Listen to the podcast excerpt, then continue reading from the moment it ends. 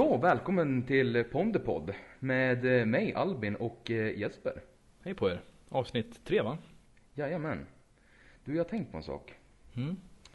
Eh, jag såg Beck, den här nya Beck nu som har kommit eh, nyligen. Och ja, de är inte lika bra som de, som de gamla. Jag tyckte Nej. ju Beck var bra eh, när jag var lite yngre.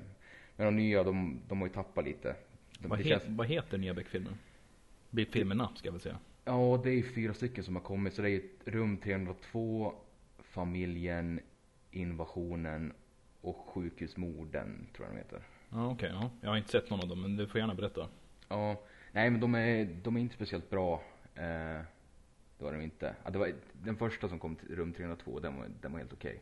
Men det känns som att alla är så trötta. De är, de är ja, Peter Haber spelar Beck, han är ju rätt gammal nu. Gun- Gunvar verkar bara trött överlag. Att han inte vill vara där typ. Det är väl för, kanske, kanske för att han har fotboja på sig. Ja, Persbrandt ja. Ja, men han fick ju fotboja efter han var dömd där. Ja, ja, ja. Det här med eh, knarket där och... Ja, precis. Jag, vet, jag, det. jag tror att det var runt när de spelade in de där.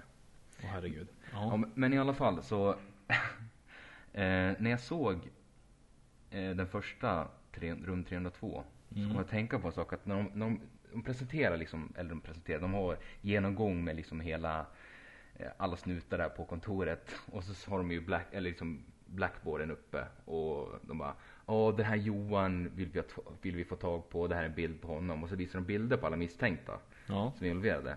Och alla i bilderna, de har ju typ passfoton och legitimationsfoton uppe på, på själva ja, blackboarden då. Ja, just det. Och alla ser så jävla bra ut.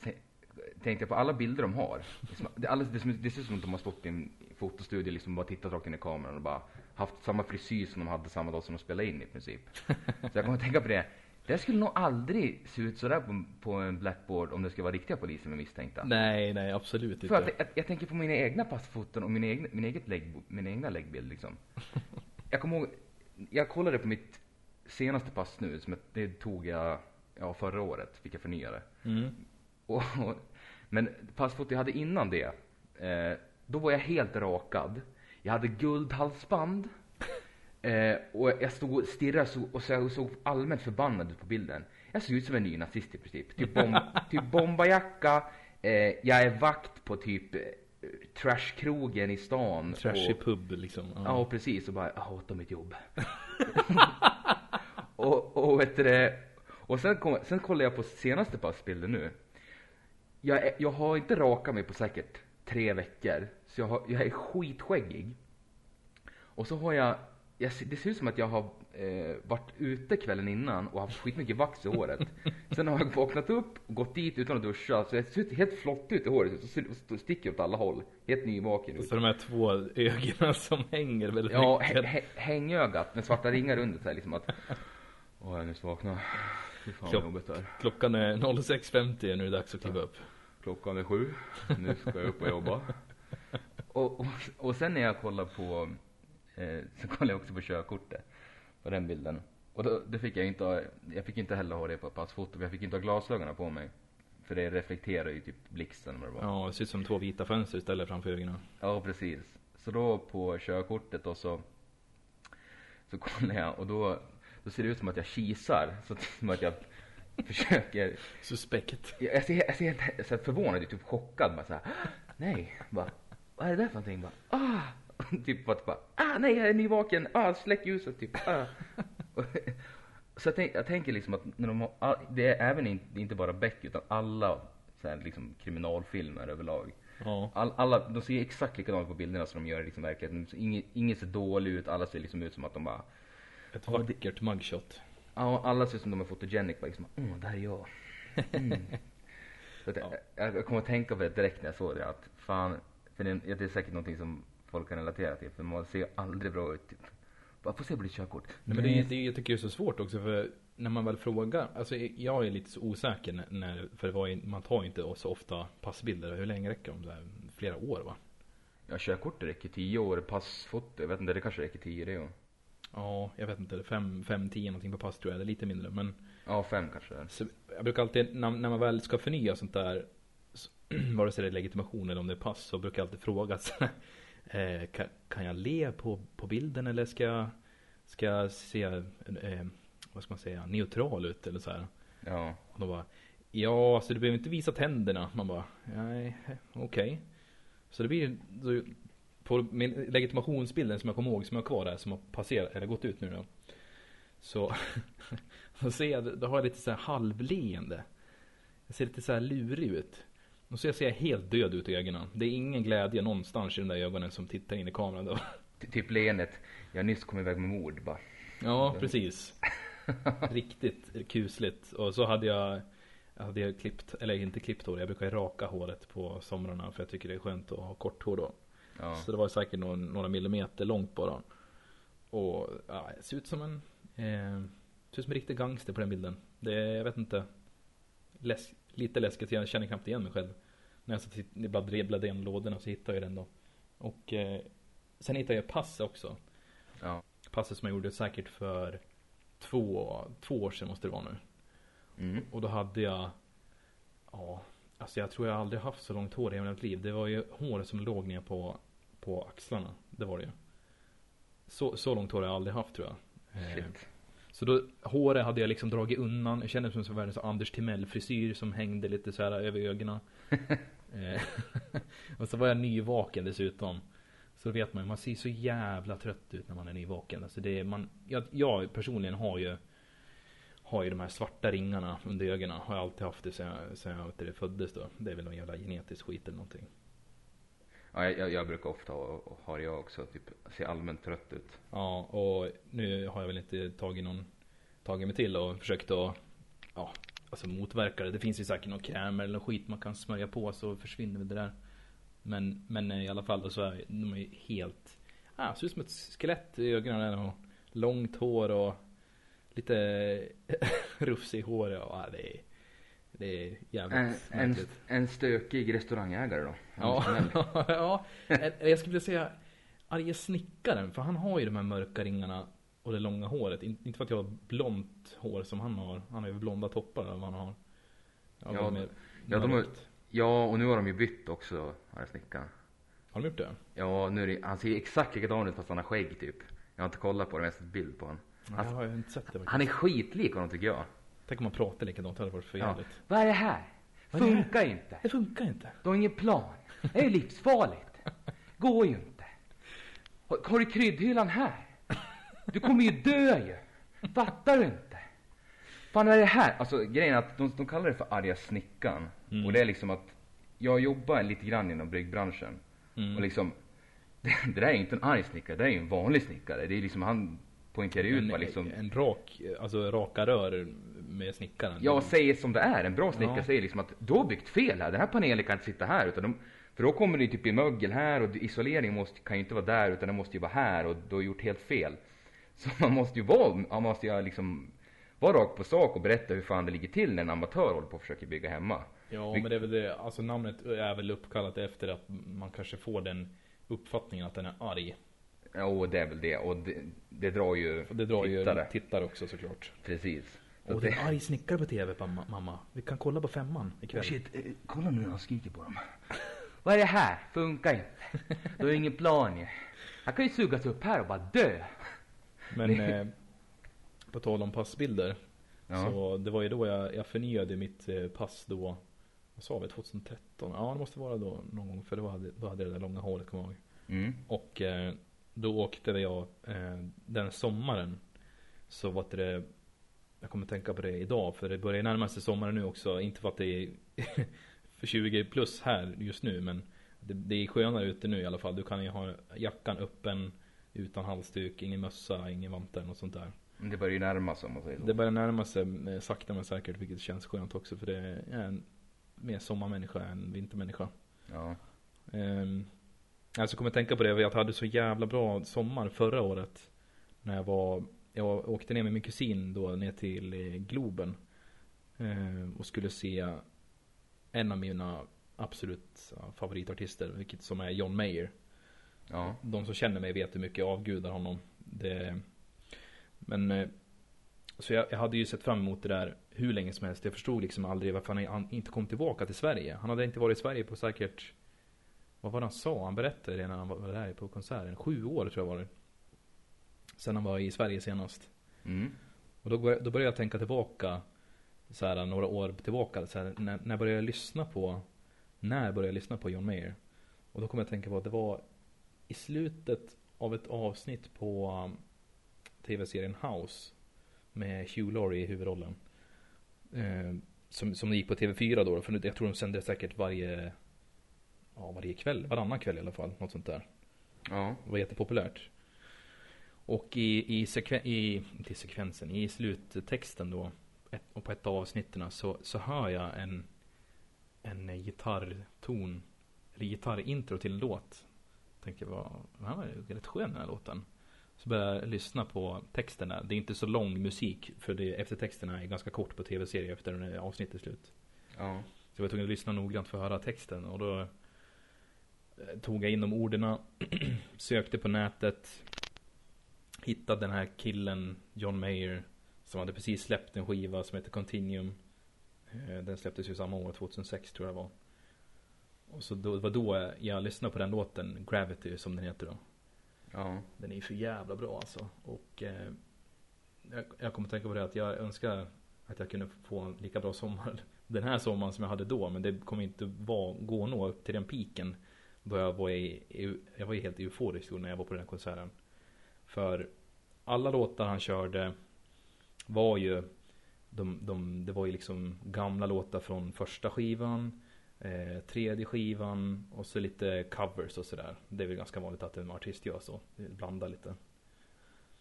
Men så, så kör han inte. Han spelar inte Gravity. Och jag blir, jag blir så förstörd. Av, kanske, Han spelar säkert i en och en halv timme eller så. In, ingen, ingen uns av, inga, alltså ingen Gravity överhuvudtaget. Och då känner jag så, det var så besviken. Så tänkte jag så här, nej. Kom igen. Det är, där, det är, liksom, det är liksom därför jag vill gå Och se och uppleva den här låten live Som, jag, som fick mig att Falla in på det här spåret och lyssna på hans musik. Så körde han det på Encore, eller hur? Så kör han den på Encore. Ja, fan vad härligt. Hela, hela Globen eh, jag tror fan det, den måste vara fullsatt. Hela Globen har tagit fram sina eh, Mobiltelefoner då. Istället för att ha en tändare nu som man hade på 80-talet stod med i publiken så tar ju fram, folk fram sin lampa på mobilen. Och eh, Men alltså encoren, det, var, det måste jag också berätta, det var så coolt. Det finns en låt som heter Dear Marie. Och i, i slutet på den låten så Sjunger de Eller de sjunger inte, de, de lallar mera så här, oh, oh, oh. Så lallar de hela tiden i den låten Ja. Hela Globen all, Alltså varenda person Kändes det som i Globen då Körde den melodin Och stampade i takt med foten i golvet Jaha, shit. Så arenan liksom var ju Skakade liksom Fy fan man, vilken stämning. Ja, man kände stämningen liksom och alla hade lamporna framme Sjöng den här melodin Stampa i takt allihopa Då kommer encoren. Då ser man hur bandet kommer ut igen och alla blir helt jävla galna. Och, och den absolut första låten han då börjar spela är just Gravity. Och då kände jag att då, nej nu, nu kan jag dö lycklig. Det, det, var, det var så jävla bra, Måste, ja, det är helt fantastiskt. Den bästa spelningen du varit på, eller? Ja, utan tvivel den bästa spelningen jag varit på. Ja, vad nice. Jag såg en året innan också i Oslo med brorsan men det var inte lika bra. Var lite stelt, så han körde, ja vi satt, satt ju på sidan också, långt, långt ut på sidan så det kanske var därför också var det inte så bra upplevelse då. Man såg, alltså det jag såg var en fet högtalare och lite lampor. Så det var lite surt men, eh, nej men den konserten kommer sitta i mitt minne bra länge till. Fan vad nice. För jag, kom, jag kommer ihåg, jag lyssnade, jag har inte lyssnat så jättemycket på mig, men jag lyssnade lite grann. Och vad hette den skivan som de släppte typ 2010, 2011 någon gång? Battle Studies, Ja, precis. Den, 2009. ja, den plattan lyssnade jag skitmycket på. Den är grym man. Ja, den är riktigt jävla bra. Har du någon favoritlåt från den skivan då? Ja, vad heter den då? Alltså jag, jag, min, jag har inte lyssnat på den på skitlänge, så jag minns inte titeln på den låten. Det var någonting... Åh. Den var, det vart en hit i alla fall på skivan. Jag kommer inte ihåg titeln på den. Heartbreak Warfare kanske? Ja, där har vi den. Där har vi den.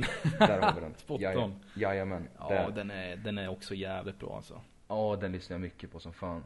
Så den, den skivan. Det vart ju, precis som du säger, det vart ju liksom signatur låten till den skivan. För han körde alltid introt, intro till eh, ja, konserterna när han turnerade. Körde, inledde alltså med den låten alltid. Ja. Ja, den, jag tyckte den var ruskigt jävla bra alltså. Det, nej, för jag, jag har inte gått på många livespelningar faktiskt när det kommer till musik. Jag var och såg, eh, jag var så Kent i Stockholm. Eh, ja, det kan det ha varit 2008 kanske? Ja. 2009 kanske det var.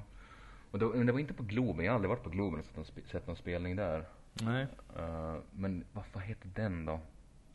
Det var, det var som en fotbollsplan typ. Det kan ha varit i Göteborg eller? Nej alltså det, det var, eller inte fotbollsplan, det var en stadio var det. Ja, vi har väl några stadier här i, eller i Sverige menar jag. Ja men det, det var i Stockholm alltså. Jaha, det var, var det Tele2 Arena då? Nej. Nu säger, jag är säkert helt ute och cyklar nu också. Du vet, jag är jättedålig på namn på stadier och grejer men Alltså fan jag, fan jag minns inte för jag, jag, jag gick dit, jag var där med morsan. Eh, så jag, jag hade liksom, hon skötte ju allt det där så jag hade ju ingen koll på var vi var någonstans. Nej, nej. Men jag kommer ihåg att spelningen var skitbra och det var, eh, vet du vem det var som öppnade för Kent och som var förband? Nej. Tåström. Tåström.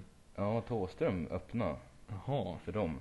Så han, han körde ju Imperiet-låtar och han körde ju eh, gröna, gröna, eller Ebba Grön-låtar. Gröna Lund. Gröna, gröna Lund-låtar. Han kör den här låten de kör i, i berg och dalbanan. På Vilda Musen. Ja, exakt. Nej, Ebba men- Grön, ja. Ebba Grön, han körde, han körde väl 800 grader och eh, han körde Space Cowboys. Det är väldigt häftigt ju. Ja, så det var skitbra. Eh, och sen Kent, de var ju hur bra som helst. Men jag kommer ihåg, typ, man såg, jag såg ju några kändisar där. Eh, typ till exempel så såg jag, eh, precis när vi gick in då, eh, till själva stadion. Så utanför vid någon restaurang där så var det en uteservering och där satt eh, Idol-jury snubben Daniel, han som var flintskallig. Han som var ju, Daniel W någonting. ja, han, han som var satt i juryn först i Idol. Ja, jo men jag vet vilken du menar. Mm. Och sen, sen när vi satt oss på, på läktarna, för var- man fick sitta på läktarna på sidorna och även stå i mitten då. Eh, Så vi satt ju på läktaren och ganska högt upp, ja till, på, till, till vänster. Eh, Men vi såg skitbra. Men då när vi sitter där så helt plötsligt bara kommer Lars Winnerbäck och bara Oj. går upp och liksom så här, han bara ursäkta, ursäkta, ursäkta.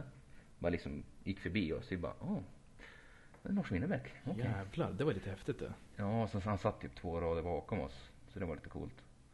Eh, Men Ja, nice. det, var, det var skitbra alltså. Det var det. Ja. Vet du vem som är, vet vem som är ett fan av eh, Kent då?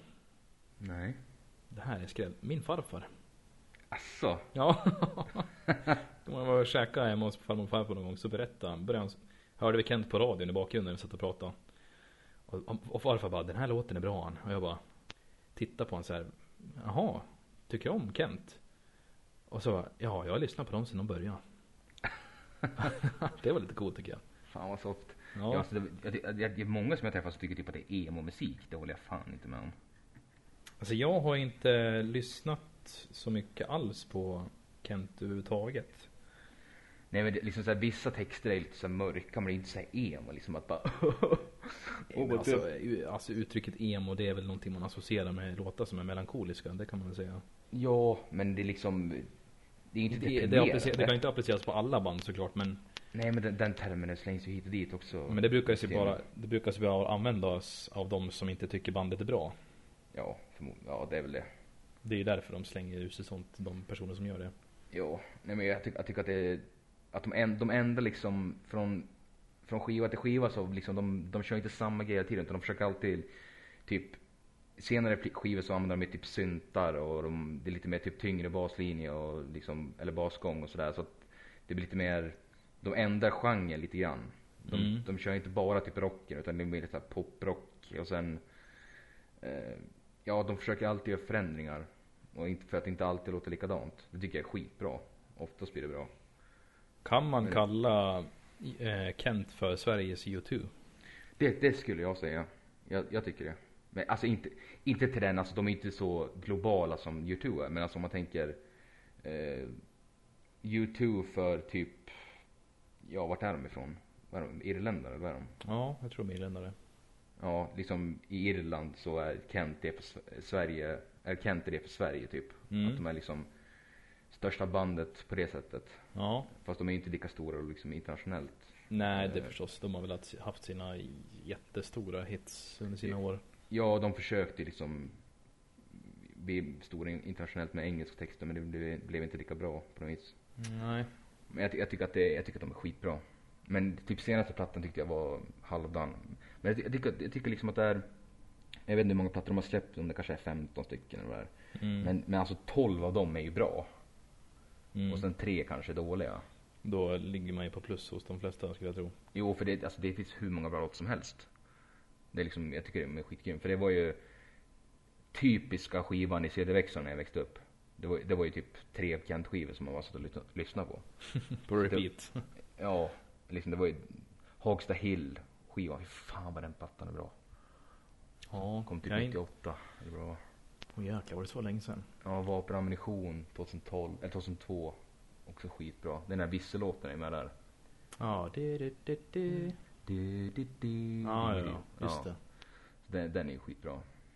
Ja, det finns, det finns hur mycket bra som helst med dem. Ja, det är det verkligen. Och sen det roliga var också att jag hade liksom inte hört då när jag var så dem live, då hade jag liksom inte lyssnat på alla plattor utan jag hade liksom lyssnat på dem som morsan hade haft. Kan, kan inte det ändå ett band som man kan Man kan gå på en konsert utan att behöva lys- ha lyssnat på Alltså ha själva historien Av alla album för att kunna, Man kan ju njuta ändå tror jag Jo, för det var, det var ju så mycket bra musik som, som jag inte hade lyssnat på på skiva som jag hörde live då. Det blir liksom som ett eh, litet kinderägg Ja precis, så det var ju bara att åka, he- när man åkte hem sen då var det, satt man ju, var det bara liksom lyssna på de andra plattorna som man inte lyssnat på. Typ, hade, de körde en, en, gans, en hel del från deras första platta som bara heter Kent som kom typ 95 eller någonting sånt där. mm. Uh, och de körde kanske tre, fyra låtar därifrån. Och jag hade inte lyssnat någonting på den skivan. Så jag, jag åkte hem och bara lyssnade på det och det var ju skitbra. Typ kallt kaffe, blå jeans. Uh, vad fan är det mer? Ja, jag minns inte just nu men skitmånga bra låtar som och liksom de, är, de är ganska simpla texter som man, liksom, även fast man inte hade hört dem när man lyssnade på dem live, man kunde bara sjunga med ändå. Typ. Så det finns ju någonting i, i det som jag älskar att göra med musik. Det är utifall man Det blir en sånt här tillfälle när man lyssnar på ett band Och så bara Jaha, de hade släppt en skiva för så länge sedan. Det här, det har inte jag hört överhuvudtaget. Och så liksom går man tillbaka liksom i en tidsmaskin musikmässigt och hör eh, Hur bandet lät då. Och eh, får höra Kanske så här nya favoriter från, från gamla skivor som jag tycker är så jäkla roligt att upptäcka. Det spelar ingen roll vilket band det är. Det kan vara allt från ja, Led Zeppelin, det kan vara Queen, det kan vara Bob Marley and the Wailers, det kan vara ja, vilka mer? Tracy Chapman, det kan vara allt egentligen. Sådana som man inte har så bra koll på egentligen så kan man bara dyka in i ett stort eh, vad heter det? valv av underbara låtar. Ja, det, det är skitnice. Speciellt liksom när man, man hör det live. Man får chansen att se dem live typ och sen kör de låtar som man inte har visst om, kände till liksom och sen är de, Mm. det, är- det är som hits typ. Ja, precis. Ja, det är sjukt bra. Nej men, eh, i, nu i veckan alltså, vi har ju också sett eh, HBO-dokumentären Going Clear. Go Clear ja, som handlar om eh, Church of Scientology. Precis. Som, eh, alltså jag hade sett fram emot den dokumentären i kanske säkert två månader. Mm. Eh, för jag läste om att när den var på Sundance filmfestival i Kanada, är det väl? Mm. Eh, så då eh, så hade den fått stående ovationer. Den var väldigt kontroversiell. För scientologi, scient- scientologer de är ju väldigt de är kända för att stämma folk som pratar ut mot kyrkan och hela den här grejen. De har en, de berättar om det i dokumentären att de har en trestegsplan som de följer utifall det är någon som vänder sig mot kyrkan ute i tidningar eller i media allmänt. Precis, att de, de liksom försöker göra livet förjävligt åt folk som hoppar av. Mm. Och typ, eh, vad de kallar det, suppressive person. Som Suppressive tror. person ja. Mm. Och alltså, alltså det som är så stört för att liksom att man vet ju liksom inte Jag hade inte full koll på exakt vad de trodde på. Nej, man, inte jag heller. man, man hade ju hört lite grann typ när South Park när de drev med det där. Mm, man, man ska skaka på huvudet och tänker bara så här, åh jäklar det där är något kult det där. Ja precis, alltså dokumentären är skitbra så jag rekommenderar den till. Ja, den bör ni se. Going clear. Ja, det är skitbra. Och den är baserad på en, på en bok som var bästsäljare för något år sedan. Eh, och det är liksom, de intervjuar folk som varit med i, i eller ja, Church of Sci- Scientology i så här 10-15 år och mer. Ja. Och, och det är liksom personer som satt högst upp, liksom var typ andra man till liksom, David Miscavige heter han va? Ja, Head of the Church liksom. Han som tog över efter L. Ron Hubbard när han dog.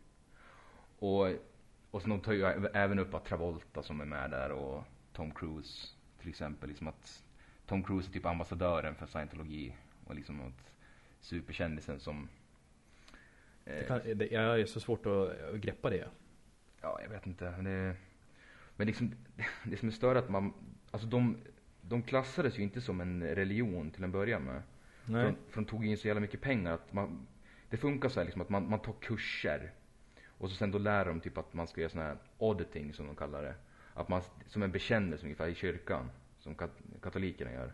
Medan det håller i någon slags... Eh, Ja, det har liksom typ, typ två cylindrar. Som typ, som en sån här, vad heter E-mätare hette det. E-mätare, ja. eh, som mäter liksom, det var, vad de säger att det är som en tredjedel av en lögndetektor. En tredjedel av, tredjedel av en lögndetektor. Och den kunde alltså känna av, vad var det den pratade om? Det är någon slags kraft som kommer från Ja, typ att, att de säger liksom att tänk, tänk på ett problem eller typ ett minne du har. mm, Och så berättar de det. Och så de såhär, åh nu ser jag att mätaren går upp här. Och, så Ja. man bara, och då ska de, Ju mer de pratar om det, de- desto lättare kommer det vara att få bort den där känslan, alltså den oroskänslan eller vad det nu är som tynger ner den. ja. Det var väl precis. det som var meningen att man skulle få bort den, eh, den känslan genom att prata om det. Ja, Det är, alltså, det är, det är egentligen terapi det handlar om.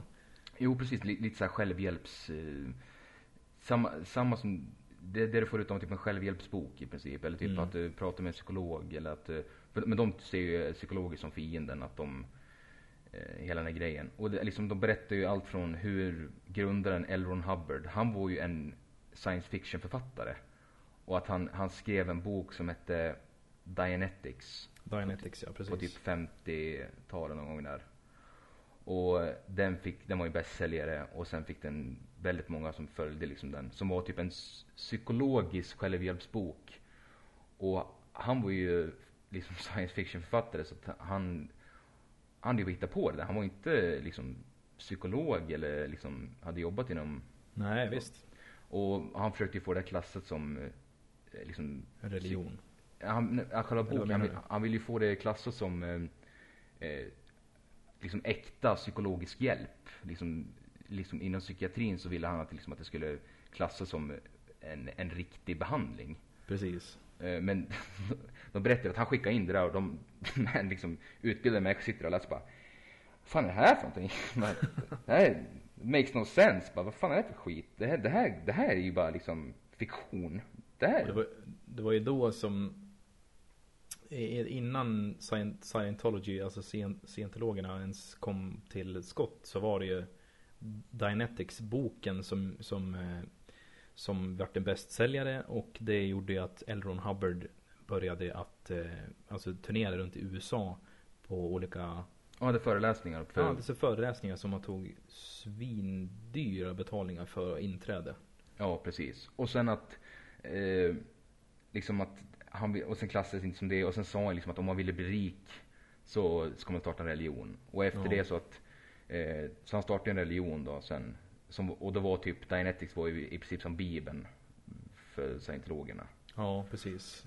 Och sen, men sen var det det att då eh, ville de att han drog in hur mycket pengar som helst. för Det var skitmånga som liksom blev scientologer då, och betalade för de här kurserna. Och att det, här- de bara skitdyra priser.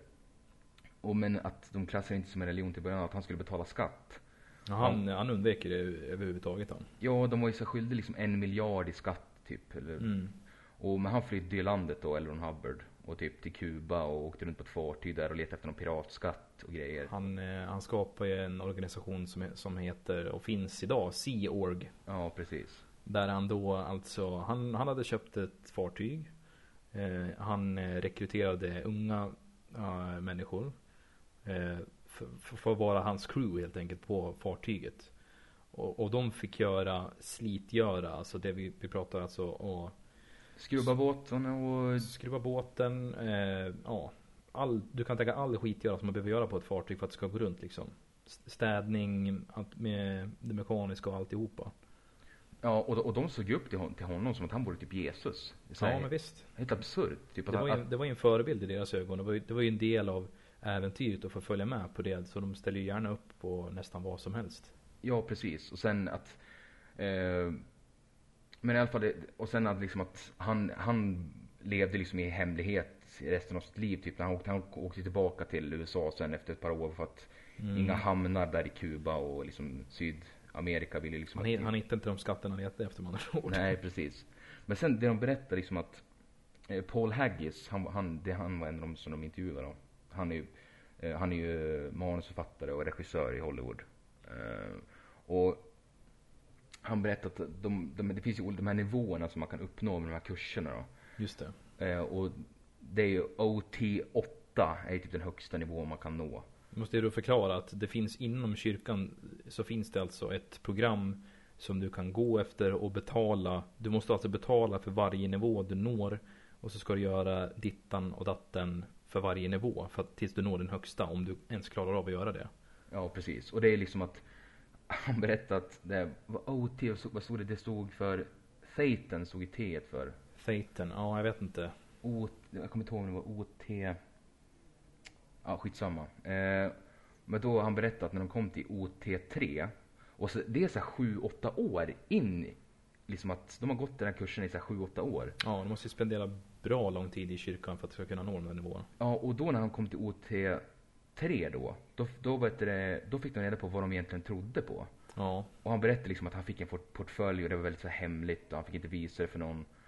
Och då var det liksom handskrivna brev då från L. Ron Hubbard. Och liksom att det, det, de tror, det, de, det de tror då är att för 75 miljoner år sedan så var det, eh, så var det en planet som såg ut ungefär som jorden gjorde, alltså som gjorde i Amerika ungefär på 50-talet. Samma, ungefär samma kläder, körde samma bilar, samma problem. Bara det att eh, det var överbefolkning. Och, det, och ledaren för liksom det här folket, han hette Sinu. Sino ja, precis. Ja, och det de gjorde då var att de tog människor, frös ner dem med så här glykol i hjärtat typ. Eh, satt dem i jumbojetsplan som också fungerade som rymdskepp tydligen. Ja, det var alltså, det var rymdskepp som såg ut som eh, eh, 50-talets jumboplan. Ja, Förklarade och, Hubbard då. precis. Och sen flög de till eh, Terak, eller vad de kallar planeten, och det var tydligen jorden. Japp. Sen släppte de ner de här frysta människorna i I vulkaner. vulkaner. Och sen släppte de så här vätebomber som exploderade. Sen upp i de här vulkanerna, då kom det liksom eh, själar. Och varje barn som föddes, då de här själarna satt sig i, deras, i barnen då. Så att den här auditing som de gjorde under hela den här det är att få tiden- bli av med de själarna. Ja, att det ska, de ska liksom och de här själarna de är orsak till ångest man har i kroppen, rädslor man har i kroppen. Mm. Depressioner, allting. Ja, allting. Och, de, och för att liksom man ska bli helt eh, liksom klar, man ska bli helt, alltså going clean, det de menar då. Att eh, man är helt ren från de här själarna. Och då är det här OT8 då, då är man ju tydligen det eller vad fan det är. Då har man nått liksom högsta rank kan man säga. Och då är man liksom ren. Då får Ja. man ett diplom och du blir ditt namn kommer liksom vara i kyrkan så alla liksom vet vem du är och, och liksom överallt när det handlar om scientology-kyrkan och så. Ja, och det är liksom, det är helt stört. De, liksom att man måste, man måste vara med i den här så kallade religionen inom citationstecken eh, i sju, åtta år innan man får reda på vad de egentligen tror på. Mm. Och att de bara mjölkar under pengar hela tiden. Mm. Och den här eh, Miss Cabbage, han ledaren där, att han liksom mjölkar bara pengar ur alla och säkert hundratusentals kronor. Och de liksom, för när han tog över så skatt, Skatteverket ville ju fortfarande ha pengar. Ja, och det IRS var ju ute efter dem då riktigt och flåsade med nacken. Ja, och då istället för att liksom betala det liksom då, för de, klass, de vill ju säga sig själva som en religion då, så då stämde de i Skatteverket. Då skickade här 240 000 stämningsansökningar liksom mot dem. Nej, det var nog 2400 var det. Var det 2000? Ja, så kanske det var. Mm. 2400. Och eh, mot så här privatpersoner som jobbar på Skatteverket och även själva Skatte- riktat mot alltså tjänstemän inom Skatteverket, så här personliga saker. Ja, precis. Och det slutade med att de bara, de gav upp. De, alltså själva Skatteverket, de gav upp. Ja, de tog ett steg tillbaka och förklarade att det var väl en En ja, att, religion. det, att det är en religion så de slipper ju betala Betala. skatt överhuvudtaget. Ja, precis. Och de, liksom, och de har ju säkert dragit in sig så här, var det 1,5 miljarder liksom, de ägde fastigheter runt om i hela världen. Och de har ju så fängelse, liksom, att när man måste disciplineras och liksom, ja, det är helt absurt. Det, De hade det, alltså en, eh, det du menar med fängelse, det, det hade de ju alltså i en byggnad i Los Angeles var det va? Ja, Kalifornien är Kalifornien var det. The Alltså, Hole som de kallar det. Ja, nej jag, jag tänker mer på den här första delen som den här kvinnan berättade om när hon hade barn vet du. De hade Ja. alltså en, en övervåningen längst upp på- en byggnad som var som var liksom det stod ett jättestort hus. Översta eh, våningen var till för människor i kyrkan som har börjat tvivla på sin tro. Att, Ja. de, att de ska liksom vara i en, i en cell och sova i en, i en cell. Det är som ett fängelse i princip. De har, Okej. de, de har vakter, de har alltså eh, timmar då de ska göra auditing, alltså med folk i kyrkan för att de ska liksom få in rutinen och försöka dra dem tillbaka in i kyrkan. Eh, resterande timmarna då de är vaken så får de göra samma sån här slitgöra som de fick göra på det här eh, skeppet då i, i Sea Org. Alltså de fick skrubba eh, fönsterpaneler med vad heter det, stålborstar. De fick göra rent badrum med och slicka rent golvet med tungan. Ja, De fick sova på blöta madrasser. Eh, och det var ju den här kvinnan då som intervjuar, jag kommer inte ihåg vad hon heter nu. Hon har ju varit i kyrkan i säkert 20 år någonting. Hon var då gravid och hade ett barn när hon fick åka in på den här institutionen. Och eh, det är då hon berättar att vid det tillfället så, så klarar hon inte av det mer. Hon såg ju sin, sitt barn ligga i en, i en, eh, krubba liksom. i en liksom, krubba som är liksom smutsig, den är trasig, den är pissdränkt krubba. Ja, och barnet har liksom så här. äh, Jag vet inte, det var liksom Ja, de, ja, det var för ögonen så knappt Ja, det var öppna för ögonen jag inte kunde med ögonen själv och då Då insåg hon att det, det, är någon, det här är inte friskt Så hon ringde ju, hon bad ju om att få slå ett telefonsamtal till en av sina eh, vänner då Och eh, så sa hon bara eh, Ja, kan inte du komma och besöka mig den och den tiden? Och senare samma dag så kommer den här tjejen då De ska inte besöka utan de ska ju rymma då Så då tar hon med sitt barn och så går hon fram till bilen där vakten står ju några meter ifrån bara och tittar på Och så ska det ser ut som att de ska hälsa på varandra i bilen så när hon sätter sig i bilen Men då gasar de ju ifrån där Ja, så hon flyr. hon flyr ju därifrån, ifrån den här eh, institutionen. Och Ja, efter det så har ju alla i kyrkan vänt sig mot henne och Ja, jag vet inte, det var, det var hemskt. Ja, och de, berätt, de berättar ju att folk som blir, vad, det, vad de kallar det, disconnected eller vad fan det är. Ja, disconnected. Det var inte det sam, samma sak som eh, sup, Suppressive person, vad hette den? Ja, precis. Att de som blir utkastade därifrån. Och, och det var en kvinna som berättade som hade varit med i kyrkan. Hon, ja, var det typ 27 år. Och hon hade uppnått det här OT8 då, högsta nivån. Just det. Hon berättade att hennes son eh, blev utkastad därifrån då. Och att eh, hon då skulle disconnecta från hennes son. Att hon inte skulle prata med honom. Hon skulle liksom eh, stänga av all liksom, kommunikation, inte prata med honom, inte träffa honom. Någonting. Och det vägrade hon göra. Så hon vart ju också utkastad. Och hennes dotter var ju fortfarande kvar då. Eh, och då sa de ju likadant till henne att du, du måste liksom, du kan inte prata med din mamma och mer, inte din bror heller. Du måste ta distans från, alltså du måste se upp, eh, vet du det, Kontakten. kontakten med din mamma.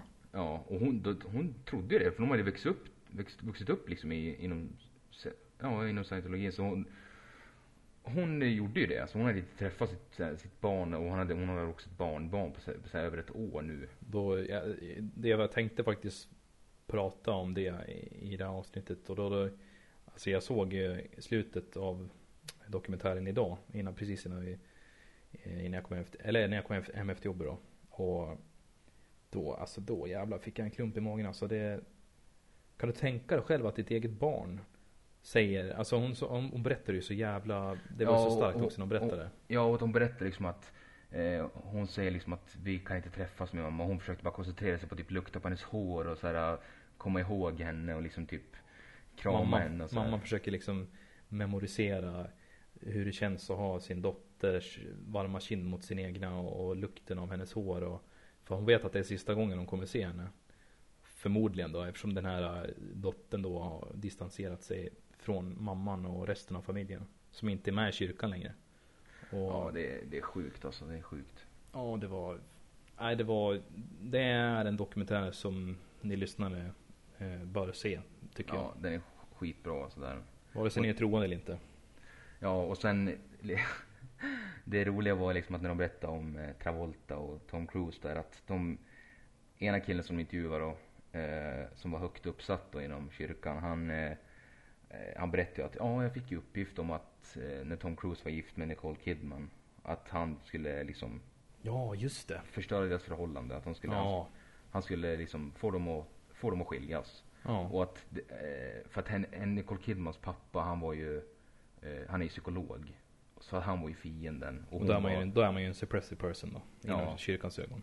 Precis. Och sen, samtidigt som han berättar det här, då, då, då visar de klippet, så ni, om det är någon som kommer ihåg för några år sedan. Det, det var en video med Tom Cruise på typ 10 minuter där han berättar om scientologin. Han sitter där med turtlenecken och är allmänt konstig. Och så- ja, just det. Mm. Och så visar de det samtidigt som han berättar här. Och då när man ser det, då ser man så här bara. Man tänker liksom, man ser Tom Cruise där, man bara Oh my god alltså.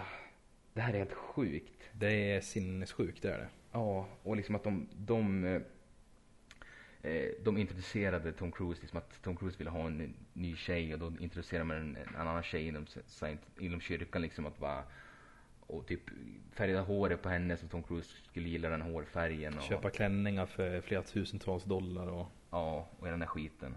Och, och sen det här med Travolta, att han gick ju med när han var ung och var typ blyg och sådär och sen gick det ju bra för honom. Att han inte vågar lämna för att, de, för att han är liksom, de sparar ju all information de gör när de gör den här auditing. Så att eh, han har ju liksom erkänt allting och det är väl typ så här rykten om att han är, det finns ju mycket rykten om att han är gay och sådär. Som har läckt och att i princip så är han kvar i kyrkan för de har så mycket skit på honom. Så de, de hotar ju med att avslöja sånt om man, om man skulle lämna då. De här eh, personerna skulle ju göra så en jävla stor skillnad om de skulle vända sig mot kyrkan. Jag kan, kan tänka om Tom Cruise skulle eh, hoppa av kyrkan och sen liksom berätta hur det verkligen är? Och typ att, då skulle liksom, för han är ju liksom eh, frontfiguren för hela organisationen i princip nu i, i mainstream. Det De skulle, liksom, de skulle lätt kunna få Church of Scientology behöva stänga igen, tror jag. Ja, det, och det, och Även defini- om de har spindlats ut nu med att köpa real estates och allt vad fan de gör med alla sina... Ja, Och definitivt det här med att, att, att Skatteverket, att de skulle behöva betala skatt. Att de Ja. inte skulle klassas som en religion. Ja, visst.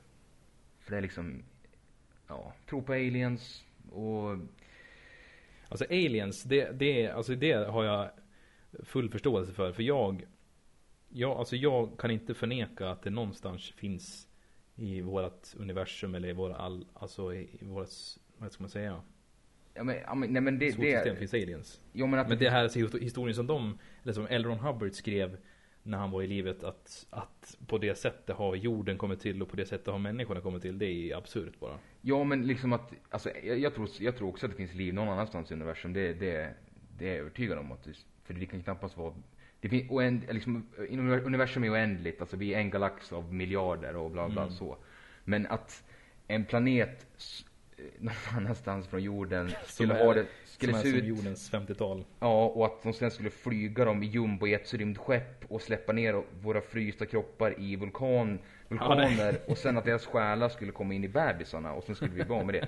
Det är ju helt, det är helt stört. Ja, det är en madman som pratar, det är det ju. Ja, för liksom det, det är verkligen så här man, man skulle kunna läsa i en eh, science fiction novell på 50-60 när det var så stort där. Mm. För det, han var ju en sån författare.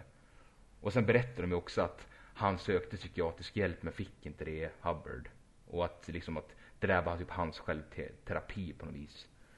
Och liksom, Skulle, ja, precis. Så det, det, det köper jag. För det låter ju som, det låter ju som att man, man skulle läsa en science fiction novell i princip. Ja, så hade det varit en... Hade det blivit labeled som en science fiction bok så den ju slagit alla rekord tror jag. Ja. Försäljningar. Ja, definitivt. Alltså det... Ja. Men, men alltså för att... Eh, vad tänkte jag säga? Jag kommer att tänka på när ni pratar om eh, utomjordingar. Eller aliens eller vad man nu ska kalla det. Främmande liv eller annat liv. ja. Så finns det ett jävligt, eh, jättefint quote av eh, en astrofysiker som heter Neil deGrasse Tyson. Han är lite av en internetkändis också. De flesta känner nog igen det namnet och om ni inte gör det så googla på Neil deGrasse Tyson så kommer ni se den karaktäristiska mustaschen på den här härliga mannen. Ja, man kommer känna igen honom. Det, gör man definitivt. Han är ju memen. We got a badass over here. Precis, we got a bass over here. Just det, det är han det. Eh, nej men det finns en, en, sak som man, som man eh, berättar i, i sin egna podcast som heter Star Talk. För er som är intresserade av, ja, bara allmänt intresserade av vetenskap så är det en bra podcast för övrigt. Eh, men han säger då att att förneka att det finns, inte finns ett enda liv förutom vi människorna Mm. någonstans i vårt eh, solsystem, de galaxerna som finns runt omkring oss.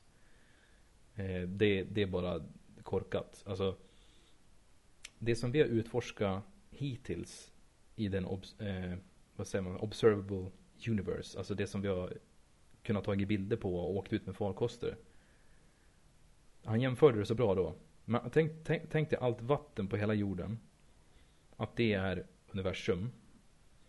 Och att, och att vi har utforskat den delen om du tar ett glas, sätter ner det i vattnet, lyfter upp vattnet i glaset och, och kollar liksom i glaset och säger Nej, här finns det inget liv. Ja, det, det är en bra hjälp och jämförelse. Det är en jäkla bra jämförelse för då förstår man själv hur, hur man kan i alla fall få en, en hum om hur stort det är. Det här vårt eh, vad heter det, underbara universum. Ja.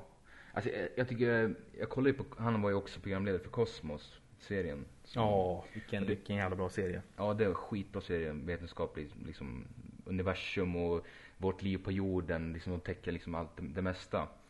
Men då, han berättar om, eh, det hade jag hört lite, lite tidigare också innan jag såg serien, om det här med eh, parallella universum, att det finns oändligt, oändligt med universum och att varje universum är som i en bubbla.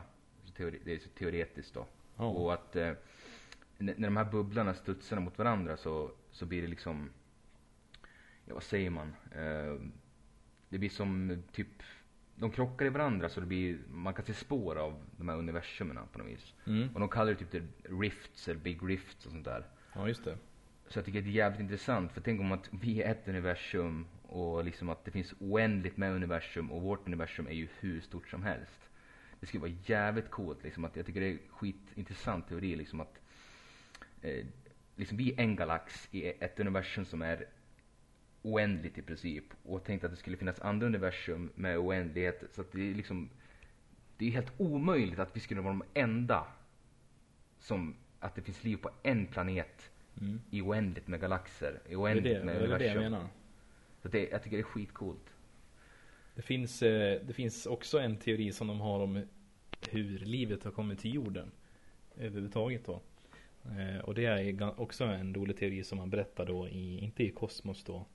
Eh, Utan i, i den här podcasten Star Talk Radio som det heter. Och det är att, alltså vi härstammar ju från långt, långt tillbaka från så här, vad heter det? Alltså det är så här små bakterier, alltså långt, flera miljoner år tillbaka. Så var ju, vi började liksom i vattnet och var små, små, vad heter det? Ja, Det var, det var väl inte bakterier, det var väl mer typ som här, Mikrober, heter det så? Jag kommer inte ihåg vad det heter. ja, typ. eh, För jag kommer ihåg jag lyssnade en del på Richard Dawkins, Mm. eh, som är väldigt känd eh, evolution, vad säger man, evolutionist? Han är professor. Ja men professor i, inom Evolution. evolution. Mm. Och han berättade liksom att en bakterie, det är, för komplicerat på något vis. Utan det var, det var liksom som en cell eller liksom. Ja, ja, en cell, precis. Då, bra, där har vi det. Tack. Och te teorin då är att eh, en, en stor, stor meteorit har alltså eh, slungats in i en planet, alltså kommit in i, jag tror det var Mars vi pratade om då, eller de pratade om då. Och att vid impact när den här, eh, vad heter det? Eh, inte kometen men eh, Meteoriten. meteoriten, tack, som slår ner i planeten så blir det ju såklart eh, smulor som flyger iväg. Ja. Alltså smu, nu säger jag smulor för nu tänker jag att jag själv slår någonting som smular sönder mot en vägg eller någonting. Men nu, vi, vi pratar ju alltså delar som kan bli lika stora som städer. Typ splitter eller vad Typ splitter från stenen, att den går sönder. Meteoriten går ju sönder Ja. när, den slår, ner- när den slår ner i den här planeten. Och att från den en av de här delarna, de här delarna från meteoriterna landar alltså på jorden med de här cellerna. Och därifrån har vi kommit. Så att en komet, eller en meteorit slår ner på Mars och får, den splittras sönder när den träffar Så tar Mars. den med sig celler från Mars som slungas ut i atmosfären, in jorden. i rymden, landar på jorden och där är kommer vi ifrån. Fan vad coolt. det är ju bara en teori, men det är en jävligt cool teori. Ja, Så verkligen. det betyder att vi härstammar från Mars då, kanske? Vet man det? Nej, det vet man inte.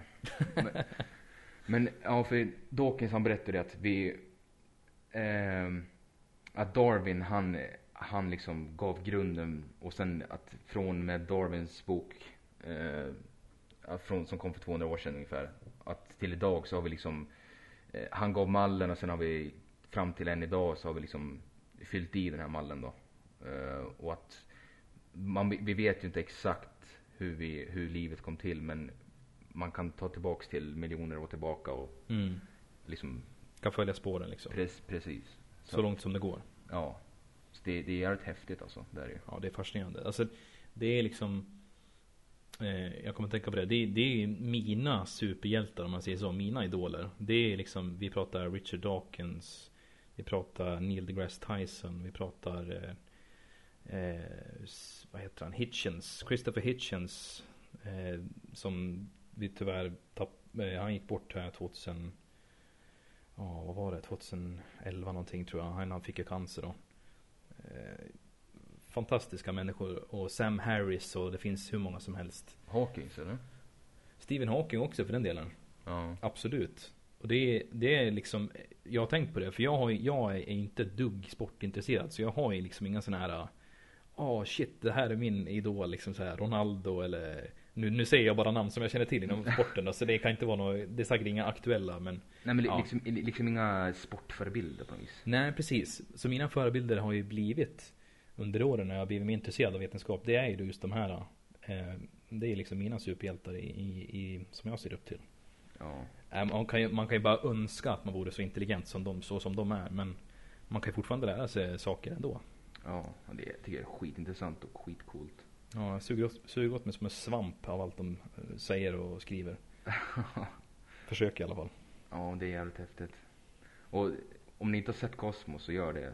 Gör det. Det finns ju, det är, det är alltså en reboot från Carl Sagan. Eh, som gjorde Cosmos på 80-talet. Ja, som en vetenskaplig serie och sen nu har de gjort en ny version då. Mm. liksom, men nu med Neil deGrasse Tyson då. Mycket Och- snyggare visuellt då såklart. För 80-talet hade väl inte kommit så långt inom CGI ändå. Nej precis, att den liksom eh, Liksom i fantasin att vi kan ta oss till Mars, vi kan ta oss till eh, liksom Saturnus och Venus och liksom alla de här planeterna och att hur, hur, det, liksom, det ser ut där. Att, hur, my- och berätta liksom allt från eh, eh, liksom starten av, vårt, av livet på jorden till eh, liksom hur, hur, stor vår galax är och svarta hål tar de upp mycket. Det tycker jag är så jävla intressant med svarta hål. Ja det är läskigt men ändå samtidigt fascinerande. Ja, att liksom Viss teorier liksom är att det, det är liksom en, eh, en portal, eller inte en portal kanske, men typ en eh, ett, om man åker genom ett svart hål, liksom att han tar upp det i kosmos då, att man kommer ut i ett annat universum i princip. Eller Mm. att det är liksom att det är som en, en propp. Att, men man vet ju inte för det är så, det är så extremt mycket gravitation så att, Det är ingen som, det är alltså om du åker in i ett svart hål så kommer det aldrig komma tillbaka, så är det ju. nej precis. Men de har ju räknat på det också att Rent matematiskt så ska det finnas, det, det är det som du säger, ska det finnas vita hål. Alltså en, en ut, en exit från det svarta hålet. Rent matematiskt, men vi har, jag har inte hittat något sådant i vårt universum hittills. Nej, och typ till exempel maskhål liksom, det, är- det är ju teoretiskt det också. Det är Mm. liksom, vi har aldrig, vi har aldrig hittat ett, ett maskhål liksom så att, som skulle vara typ en portal genom, eller en genväg genom universum. Genväg. Ja, det går snabbare att ta den vägen än raka vägen om man säger så. Ja, precis. När det klassiska papper, två, två kryss på vardera sida av pappret, så en rak linje emellan och så viker man pappret. Och sen liksom att man, att om man se, skulle se det som, som, är det, rymd, rymden i princip, eller liksom universum, att man viker rymdtid. Mm. Så det, det är intressant som fan det här. Vilket de hade i Star Trek för övrigt. Rym- Alltså maskhål. Ja, det hade de ju. Och även Ja. Interstellar. Nya. Och även, men jag kommer ihåg första gången jag såg, för han, de kör ju det tricket då i den Interstellar, att han, han ska förklara för i, Ja, ja, ja, i filmen ja. Ja, men, Han tar pappret och viker på hälften och trycker igenom en penna eller vad han gör. ja precis. Men det första gången, det, det är Event Horizon som är en ganska bra film. Det är typ en, en skräck science fiction. Och då, då är det Sam Neill, han som är Jurassic Park, huvudrollen där. Ja, just Han, det. han har byggt ett skepp som kan, som skapar liksom masskol. Och så ska de hitta det skeppet och så har det hänt massa skit. Men då förklarar de det exakt likadant att han, han förklarar för liksom eh, besättningen som för rymdskeppet han är på liksom att hur, hur den här maskinen funkar. Och då tar han ett papper exakt likadant och så han frågan liksom att vad är den snabbaste vägen från här, punkt A här till punkt B här nere på pappret? Bara, säger en kille bara, "Ja, rak linje. Jag bara, nej inte riktigt utan så tar han så viker han pappret exakt likadant och så trycker han ner med penna. tänk, tänk, tänk alltid på det när jag säger Interstellar. Ja, det är sant. Och det, vad tänkte jag säga? Det finns ju en ro, rolig scen. Det är en gripande film. Det är Interstellar, alltså allmänt tycker jag. Ja. Men det finns ju en scen som är så jävla rolig. Nu, det här är spoilers för er som inte har sett filmen. Så ut- ut- Spoiler alert. spoiler alert kommer nu. Så om, om ni inte vill höra det här så kan ni spola fram kanske ja, två minuter eller någonting. Det kommer inte, det kommer inte ta längre än två minuter att förklara. Okej, nu kommer det. Eh, det är när de alltså besökt den här planeten då som är det bara vatten på planeten. Ja. Och den ligger så pass nära ett svart hål att tiden Tid och rum på den här planeten går eh, Vad är det? Saktare va? Ja precis, på grund av gravitationen från svarta hålet så Precis, för all, svarta hålet suger åt sig allting. Det suger inte åt sig bara eh, Alltså rymd utan det suger ju tid Alltså gravitation. och gravitation. Mm. Ja, Så att gravitationen på den här planeten är 130 gånger högre än vad den är på jorden till exempel. Är väl det de säger.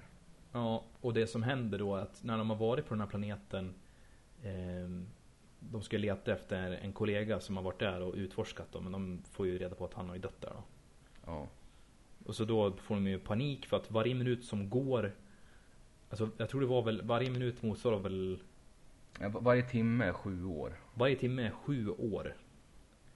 Så när de väl lyckas ta sig ifrån den här planeten Komma tillbaka till det rymdskeppet som de hade slussat ifrån med en liten farkost Då öppnar ju den här Den här professorn som har stannat kvar där på skeppet och väntar på att på datorn ska komma tillbaka det, det, Den linen han säger då, då säger han bara It's been 23 years Ja, han, han säger det bara liksom att de, de är nere på planeten och så får de ju problem med skeppet att de inte kan, de kan inte åka därifrån. På grund av vattnet så här. Och så kommer han tillbaka och bara It's been so long, bara How long has it been? Och så säger liksom roboten bara 23 years, 4 months and 6 days. han är helt gråhårig liksom och de har Han varit är borta, gråhårig liksom så här less bara ja, och de har varit borta liksom så här två, tre timmar kanske. Ja Det är, Nej, det är också en bra film som bör se ni som inte har sett den. Ja men liksom ti- tiden är relevant liksom. Det är Mm. jävla häftigt. Mm. Starkt. Ja, det är det. Nej men jag tycker att de har ju täckt det mesta. Ja, våra tankar är nog eh, ganska utpumpade för den här gången. Ja. Så då tackar vi för oss. Tack för att ni lyssnar. Tack tack. Hej då. Hej!